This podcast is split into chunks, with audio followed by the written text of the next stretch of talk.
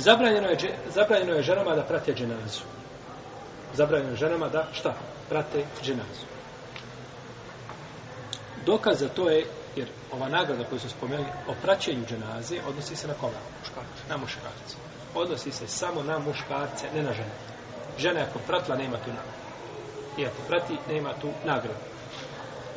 Jer je došlo u hadisu umu Atije da kaže nuhina anitiba il dženaza ili el dženaiz dženaze ili dženaza u množini volem ju'zem alejna ali ta zabrana nije potvrđena kao da kaže nije kategorička ta zabrana pa stoga većina islamskih učenjaka smatra da je praćenje dženaze od strane žena mekruh, a da nije šta haram ovdje kaže, ona kaže ovako Zabranjeno nam je da pratimo dženazu. Ovako ona kaže. Umotri ovako kaže. Zabranjeno nam je da pratimo dženazu, ali ta zabrana nije potvrđena, odnosno nije bila kategoričke prirode. U redu. Ovaj prvi dio. Zabranjeno nam je da pratimo dženazu. Je to hadis poslanik sa osam? Jeste. Ovaj kaže ovdje da jeste. Jeste. Još jednom kaže da jeste. Ona je rekla. Ne može reći napolje. Ispravno je, braće, da jeste. Jer ona je rekla, zabranjeno nam je. Ko je zabranio? Ebu Bekr dolazi u vreme poslanika, sva zabranjivo. I ona, ili ashabi. Ne, zabranjeno nam je. Znači, to je sastav, jer ashabi kažu, zabranjeno nam je. Naređeno nam je. U naše vrijeme je bilo. Znači, to sve se veže, znači, ako govori za vrijeme kada je bio poslanika, sam veže se kao hadis marfuo. A pa on nisu, ne možeš kazati, kaže poslanik, ali sam ne pratite dženaze, nego kažete, ovaj, ove riječi imaju propis hadisa poslanika, sallallahu sallam. Jel u redu? Kao kaže Asab, od sunneta je. Jel u redu? Dobro, druge riječi. Ali ta zabrana nije potvrđena. Je li to od poslanika, sallallahu sallam?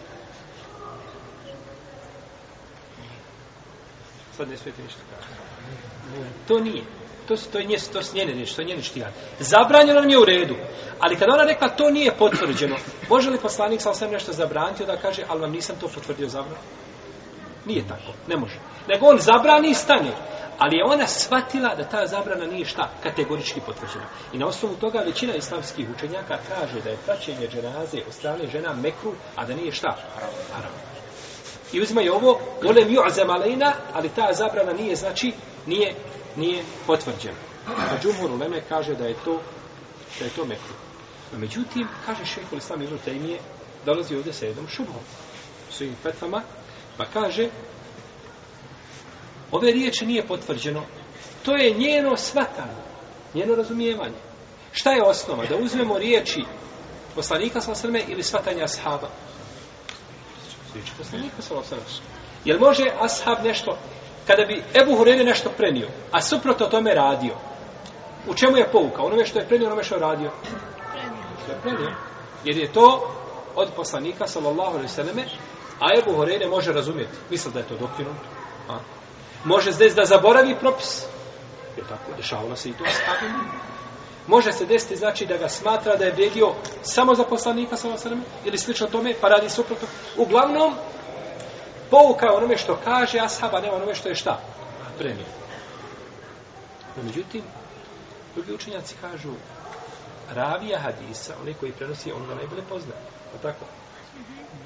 Jer ona dok kaže zabranjeno, ona je to čula.